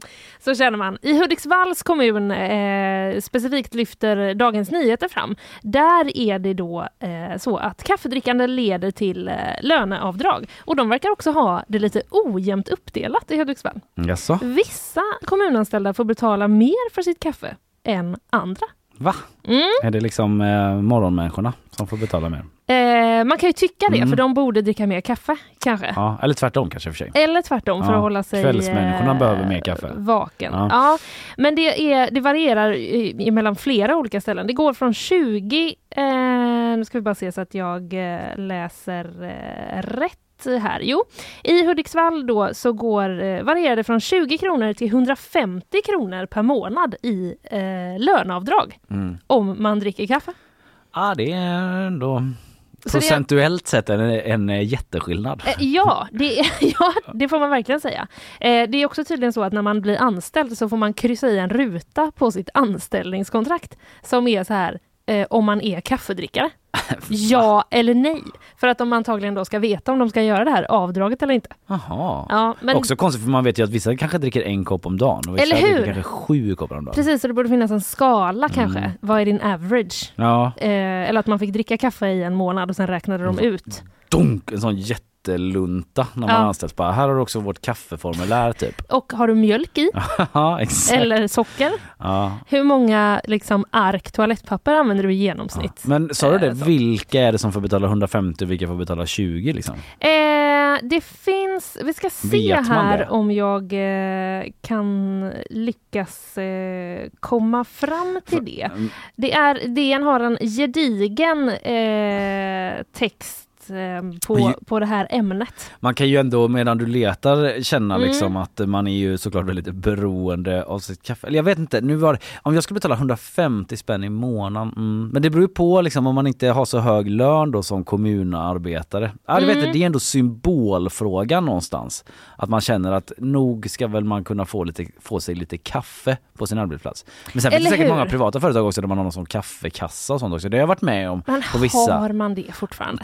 Jag vet inte. Och också, vem har i så fall mynt att lägga i den nu för tiden? Ja, nej jag vet inte i och för sig. Men när jag jobbade på Sveriges Radio, ja, då var det ju kaffemaskin då som var gratis. Och där kunde man ju få sig en varm choklad och det var liksom en Vina Melange vin och kanske? melange, kaffe Ja. med vitt och lite Kaffe så. och så de här, ja, man, du fick inte heta Ugh. kaffe med mjölk då för att det är ju inte mjölk. Så det är kaffe med vitt. Är det sant? Det stod så när man valde Ja, dryck. ja, det gjorde det. Det låter ju som att det skulle kunna varit knark eller Ja, någonting eller annat i. Ja. Eh, du, jag kan rapportera att jag vet inte exakt hur det skiljer sig i eh, Hudiksvall, men i Åsele kommun, där får kommunhusets eh, tjänstemän dricka gratis. Medan då förskolepersonal och undersköterskor får betala. Eller hur? Va? Ja. Jag undrar också bara, dricker man inte mer kaffe om man sitter på ett kontor? Jo. Än om man passar, eller liksom om man är med barn hela dagarna? Det, Det hinner man väl inte dricka så mycket? Det, är alltså, Ja. det hinner man inte med nej. Ja. Om man sitter på förskola och liksom, det är klart några koppar blir det ju. Men eh, man bälgar ju i sig. Ja, det är ju inte så att man kan ha en på, På standby. Ja, precis. Det gör ju folk omkring oss här. Blotta liksom tristessen av att vara 18 timmar i ett kontorslandskap gör ju att man bara, nej nu får det bli en kaffe till liksom. Exakt, exakt. Och så lite bubbelvatten emellan. Ja, ja det kör du Och så ja. kan man ta ett tuggummi och så kan man ta en snus. Och så. Det, är, Ja. bara, det bara varvas grejer hela Ja. tiden känner jag. Eh, tids... Ja. Eh, nej, men Men då är folk så- förbannade antar jag. Du, folk är eh, förbannade och eh, den här eh, rapporteringen då om Ehm, eh, Hudiksvall, det har, eh, ja, men det har lett till vissa liksom eh, eh, reaktioner i, eh, på Facebook-inlägget Såklart. om detta. Mm. Jag letar mig fram till den här meningen. Ah. Det tog tid, men jag kom i mål till slut. Eh, Där satt den. där satt den! Eh, Kom igen nu gubbar, eller vad var det? Ja. Kör gubbar, kom igen. Mm, på, på Hudiksvalls tidnings då Facebook-sida skriver DN så är det många som delar med sig om vad de tycker. Hur kan det vara olika? Allas lika värde heter det inom kommunen. Då tycker jag att 30 kronor ska vara standard för Mm. alla anställda. En annan person går så långt. Och alla ska ha samma lön också. En annan person undrar eh, eh, till och med varför personalen stannar kvar och Ja. säger att det är en vansinnig personalpolitik som Hudiksvalls Mm. kommun för. Men jag fattar, du kan reta ämnen något djävulskt. Man sliter på och så ska kan- man betala ja. liksom vad, tvingar vi inte räkna procent men liksom hundratals procent Ja. mer för sitt kaffe. Men det är ju det det handlar om. Det handlar om orättvisan. Ja. Och det är ju någonting som folk brinner för att vi inte ska ha i det här landet. Men jag undrar eh, bara, du kanske undrar eh, hur är det i Göteborg? Ja det undrar jag. Eh, För att det är nämligen kommunalarbetaren då som DN bygger sin artikel på. Och Ja. de har gjort en fet jävla grej på kaffepriser. We have launched a full scale investigation. Ja, jag skulle vilja liksom bara så gratulera den som kom på den här idén. Ja. Den bara, ska vi göra en sån här grej? Luktar guldspade. Geni! Geni! Ja. Vill jag bara meddela. Och då kan eh, jag berätta att eh, kommunalarbetaren har då frågat kommunerna eh, om tre olika grupper. De har Mm. frågat om tjänstemän på kommunhuset, de har frågat om undersköterskor och förskolepersonal. Mm. Eh, och vilka som får gratis kaffe. Göteborg, alla får gratis. Alla. Jag kollade på lite kranskommuner också. Mm. Mölndal, Partille, Kungälv. Eh, nej, Mölndal och, Part- Mölndal och Kungälv ska jag säga, alla gratis. Partille har inte svarat. Oh. Mm. Kanske dags kan att det vara en skicka i- Partille-bonus? Ja. Kan det vara något? Just Att det. vissa får gratis kaffe? Jag kan skicka ut en reporter nästan. Du, det är typ läge. Läget Tipsa där. Partille Tidning Mm. i alla fall. Tipsa Eh, också oss om vad en Partille-bonus skulle kunna betyda. Ja, gör låter det nästan gärna lite det. filthy. tycker Ja, jag. lite liksom obehagligt. åkte hem till någon efter krogen och bara Partille-bonus typ. Ja. Alltså typ den typ, så förs mina tankar. Men, eh, och sen vet jag inte vad det är liksom. Vi Nej. pratar om Partille-bonus, och för nytillkomna lyssnare. Vi pratar om Partille-bonus för eh, någonting med bussar. Var precis. Busschaufförer Ja, som från. Partille typ. Ja, det var Skitsamma. någonting sånt. Men Okej, kan men då är det ändå liksom saker. jämlika Göteborg med omnejd då. Mm. Möjligen inte Partille. Pass på, eh, se upp för Härryda. Där får ingen dricka gratis. Alla betalar. Stenhårda Härryda. Stenhårda Härryda, så Ja. om du är liksom undersköterska och funderar på vilken kommun ska jag jobba i, Mm. då kan det här vara information som du kanske vill ha. Men, eh, Härryda vatten, eller Härryda kommun. Här dricker vi vatten. Ja. Härryda kommun. Här tar man, här sköter man sig själv. Härryda kommun, Ja. här betalar vi för vårt gift. Så kanske. Det framgår inte vad det kostar, men det kostar för alla. Thank you.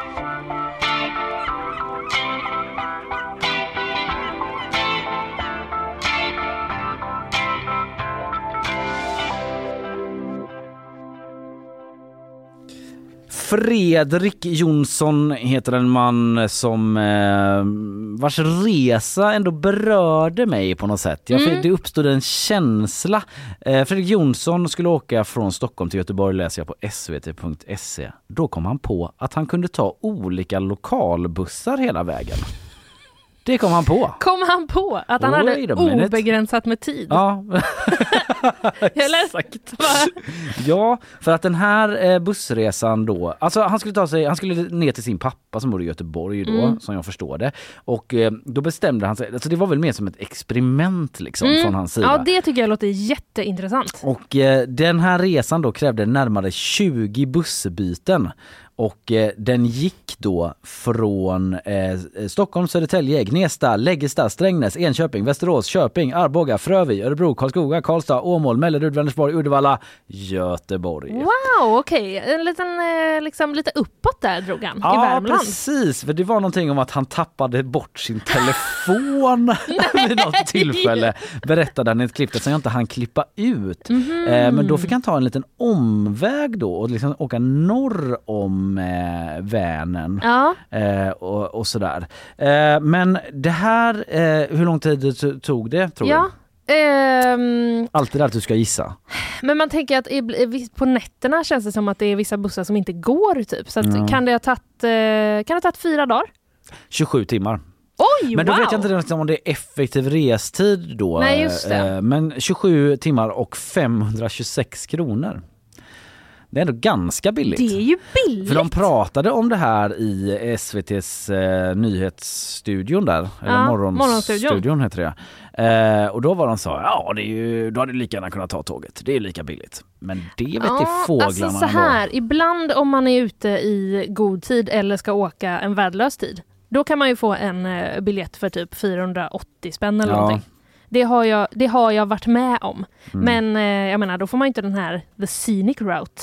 Nej precis, eh, han pratade också om att så här, det är inte så att han liksom tipsar alla Nej. om att det här är ett billigt och bra Det är alternativ. inte något han alltid rekommenderar. Nej, vi ska eh, lyssna, så här sa han i eh, SVT, eller nej, så här, det är ett litet klipp från SVT. Mm. För att det här gjorde väl, det ska jag säga också, för det är också därför det har blivit en nyhet för att han liksom på fem dagar fick 200 000 visningar på Youtube då. Att han gjorde något av en succé Det här där. kan du fethaja att jag ska Ja. se sen. 206 000 är den uppe i nu då. Wow! Stannat av lite grann men ändå eh, eh, liksom går jättebra. Nästan tusen kommentarer. Och eh, så här, här är lite från den videon då. Jag ska hoppa på den och så är du välkommen med mig på resan till Göteborg med bara lokalbussar.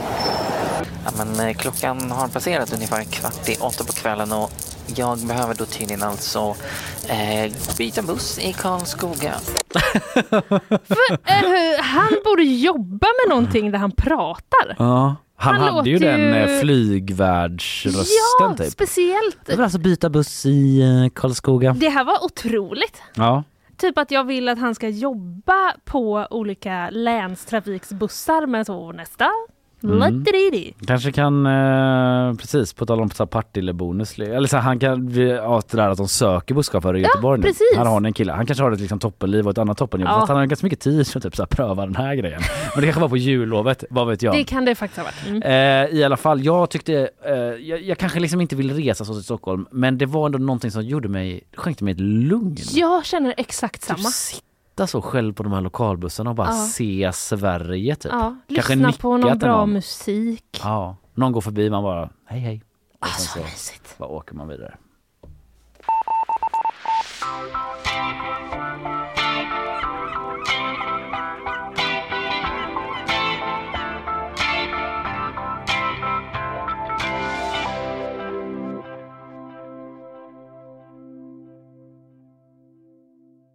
Vi ska få besök här om en liten stund, eh, fin besök. Ebba Kleberg från Sydow eh, Mm. Hon kommer hit för att eh, det är ju nämligen så att danska kungahuset, eh, där blåser förändringens vindar. Så är det. Drottningen har abdikerat, Margrethe släppte bomben efter 52 år. I'm out, Ja. I'm leaving the table, I'm out of the game. Otroligt ändå. Ja, och sonen Fredrik ska ta över. Vi ska snacka danska kungahuset nu med kungahus, eh, hovleverantören av Kungahus News Mm. som det, vi Enkelt att kallar henne. Jätteenkelt. Ebba Kleber från Sydov, häng kvar. Hon dyker upp här alldeles strax. På nyårsafton släpptes bomben den eh, symboliska bomben då när Margrethe, drottningen av Danmark, meddelar att hon abdikerar efter 52 år på tronen. Otroligt. Ja, det är ändå ett bra tag. Eh, lite så träsmak suttit eh, länge. Eh, och på söndag nu då så kommer hennes son kronprins Fredrik officiellt ta över tronen vi ska prata om det nu. Detta eh, danska kungahus och dess framtid med ingen mindre än, nu säger jag det igen då, kungliga hovleverantören av Kungahus News. Ebba Kleberg från Sydal! Det blir lite applåd känner jag. Härligt! Tack! Jag försöker applådera. Jag känner mig som en sån klyscha. Här kommer gips för att ha halkat på en isfläck och jag kan nästan Ah. inte sitta i stolen för jag har sån fruktansvärd träningsvärk efter min nyårsträning. Men jag kände det när är jag... sargad. Jag stapplar Ja. fram. när vi tog i hand att Ja. du hade någon gips eller någonting Ja. så, så, så Mm. frågade jag inte men det var isfläcken alltså. Precis, så jag är lite mer transparent än prins Carl Philip som jag har haft ett väldigt mystiskt gips. Jag vet inte om ni har tänkt mycket på det? Det har jag inte märkt alls. Berätta Ni vet, allt. det är därför jag är här. Ja, berätta igen. Vars, hur lång tid har vi? Åh, vi har flera timmar. Ja. Det är ingen som ska in efter oss. Nej, plötsligt kom han liksom då med, ja men ganska likt mitt skulle jag säga. Ja. Ett liksom så halv eh, upp till armbågen klassiskt eh, gips och Mm. eh, hovet är väldigt förtegna om vad som har hänt. Oj, då, Lite spännande tänker jag då som bevakar kungligheter. Så här, vad, vad är det som inte är kungligt med att prata jättemycket om vilket ben i handen man har brutit som jag gör med alla jag träffar. Jag till och med lova igår mina kompisar innan vi skulle ses att jag lovar inte prata så mycket om mitt gips. Men uppenbarligen inte så kungligt. Ja. Det ska liksom bara sådär, Nej. ni vet skador är inte så kungligt Men kanske. är inte det också, eh, alltså om de hade sagt att han har halkat på en isfläck så hade det varit så, okej. Men nu undrar Ja, man, vad oändliga gjorde han spekulationer. egentligen? Det kan ju ha varit vad som helst. ja. Ja. Ja. det väcker ju mer frågor Ja. om man är så hemlighetsfull givetvis. Kanske är det det, Ja. mystiken före allt. Mm. Carl Philips inofficiella valspråk. ja. Ja. precis, hans pappa bara, det handlar ju Du får jobba om lite det mer lite. om dig Men alltså Sverige. apropå typ. valspråk så är jag otroligt taggad för vi får ju snart ett nytt. Det är alltså hemligt fram till Mm. söndag 15.00 så vitt jag förstår vad som kommer bli kung Fredrik den tiondes nya valspråk. Vad har drottningen nu då? Eh, hon har ju liksom någon, hon har ju före Danmark, för Gud, alltså Gud är ju med i hennes Mm. valspråk. Mhm. Och Hon det har ju suttit väl- länge. Hon har ju suttit ja. länge, då var det lite mer Gud i valspråket. Det tror jag inte vi kommer få höra. Nej. Du, eh, hon abdikerar alltså. Detta kom vid nyårsafton. Eh, Vad var din reaktion när du nåddes av detta? Satte du liksom hela supén i halsen? Spruta ut champagne så. Ja, alltså det är nästan, får nästan när du säger det så känner jag att håret nästan reser sig. Det har fortfarande inte lagt sig. Den här chocken, helt gipset. ärligt. Ja. Under gipset så reser sig, det är förmodligen ganska långa hår. Är det så att gipset så växer håret. Jag har hört massa hemska historier. Nu pratar jag om gips igen. eh, nej men ja, det var ju, det är liksom en exceptionell händelse detta. Det är ändå historiskt. Det är helt, ja, jag kan inte förstå det.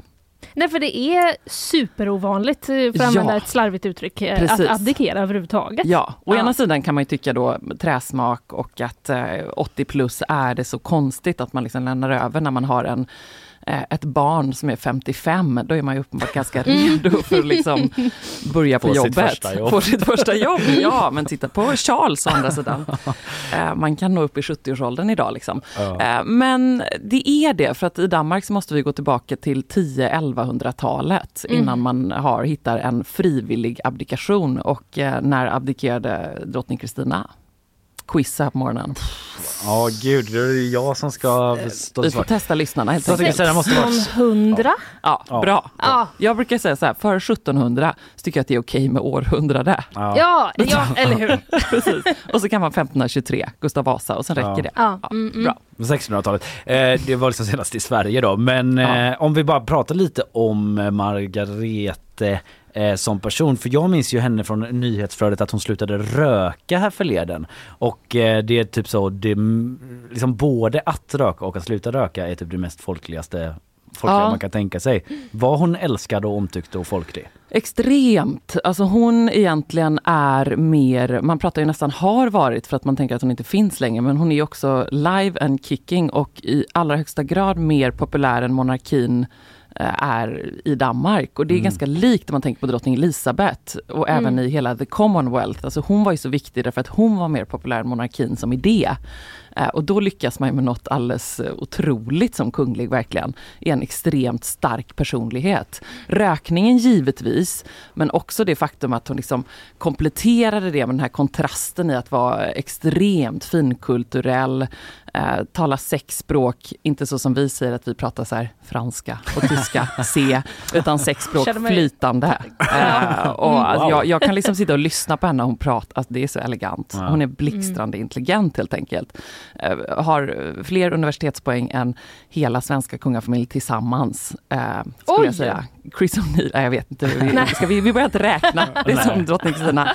Men hon är otroligt eh, begåvad och då kan man vara rivig och röka och eh, liksom ryta till och vara lite så här härlig. Ja. Man kan kosta Mm. på sig det då. Ja, det finns ju en intellektuell rökning känner man. Precis, Just det. verkligen. Och en intellektuell eh, rött läppstift på tänderna. Liksom. Ja, Mm. ja.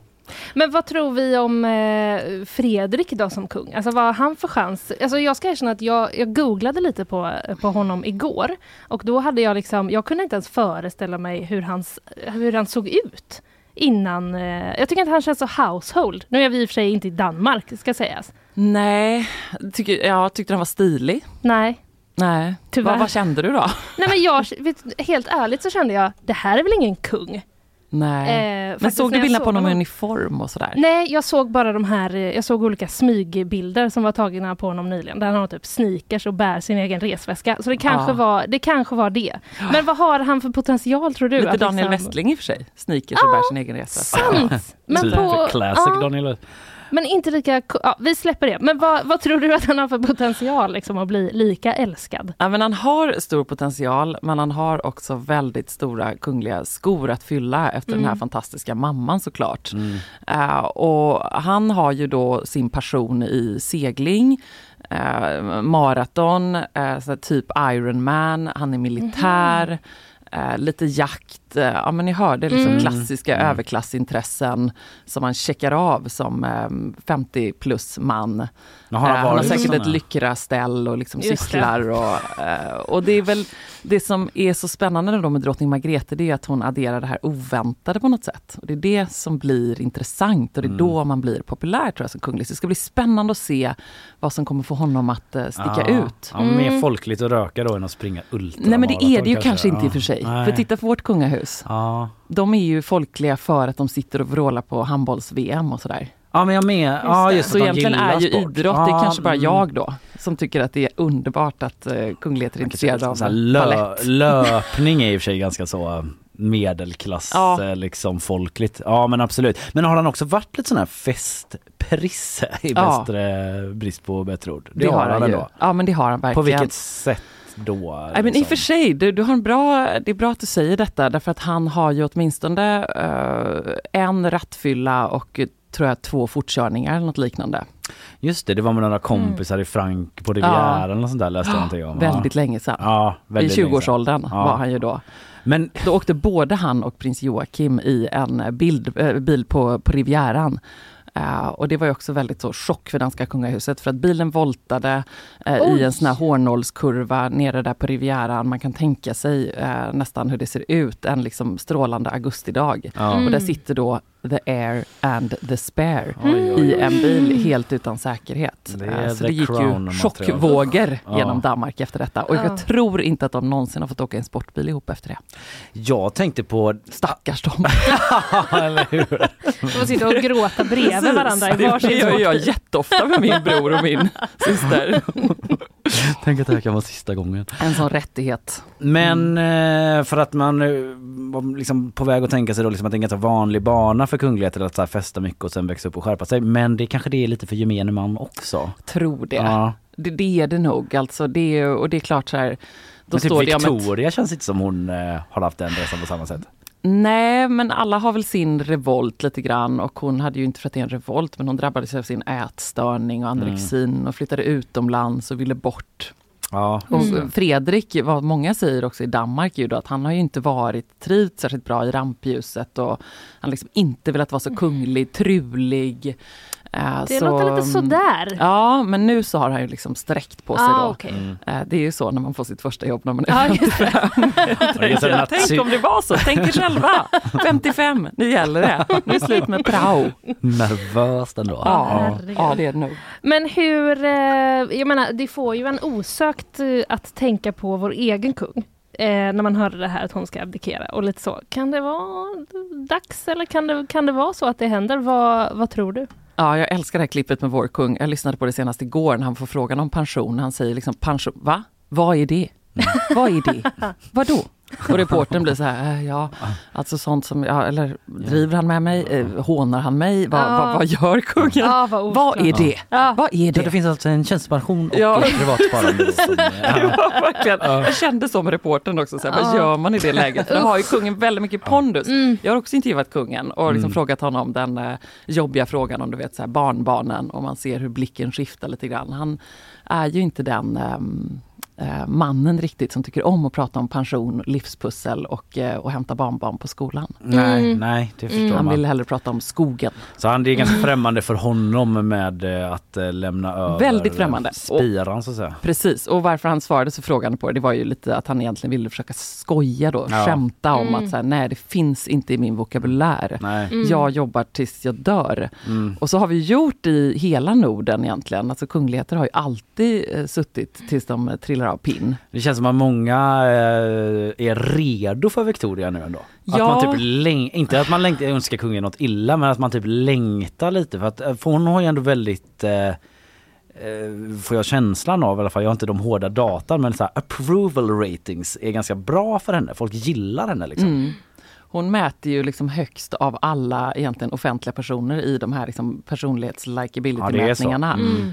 Eh, och också under så lång tid så att hon slår någon slags rekord. Det är ingen som har mätt så högt, så länge, så stabilt som kronprinsessan Mm. Victoria.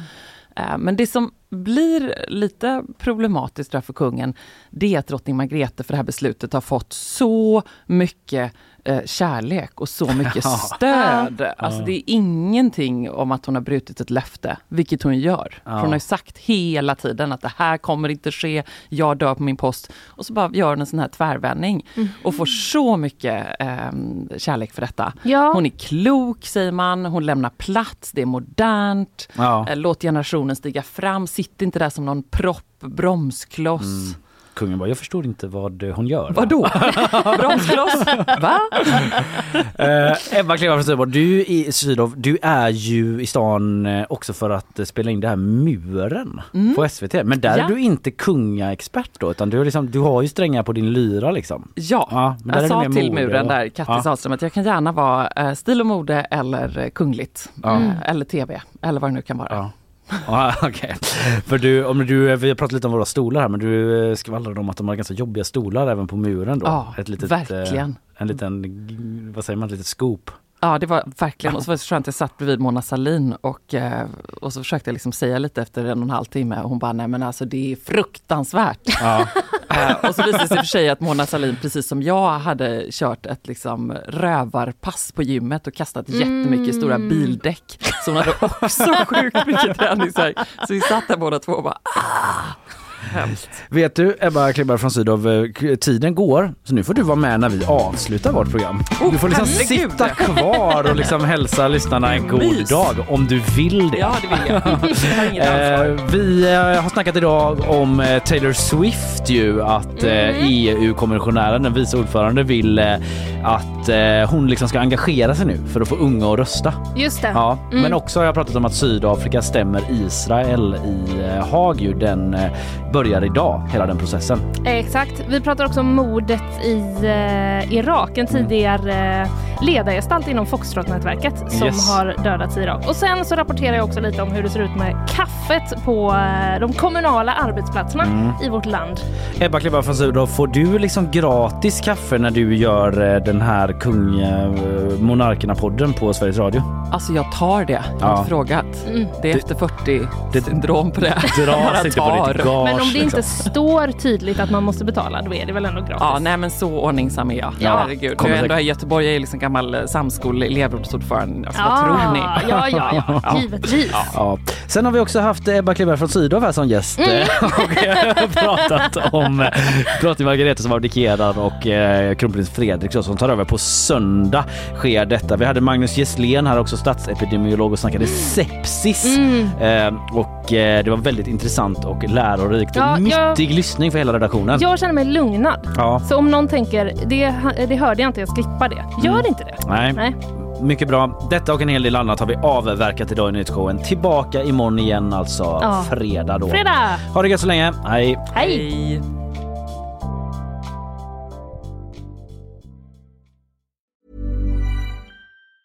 Ever catch yourself eating the same flavorless dinner three days in a row?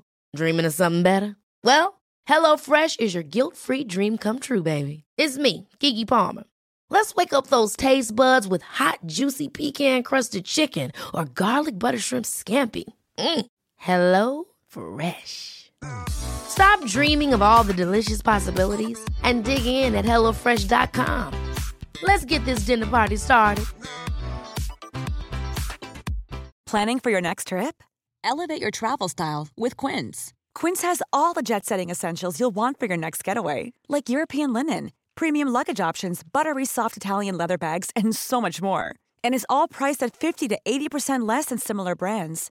Plus, Quince only works with factories that use safe and ethical manufacturing practices. Pack your bags with high-quality essentials you'll be wearing for vacations to come with Quince. Go to quince.com slash pack for free shipping and 365-day returns.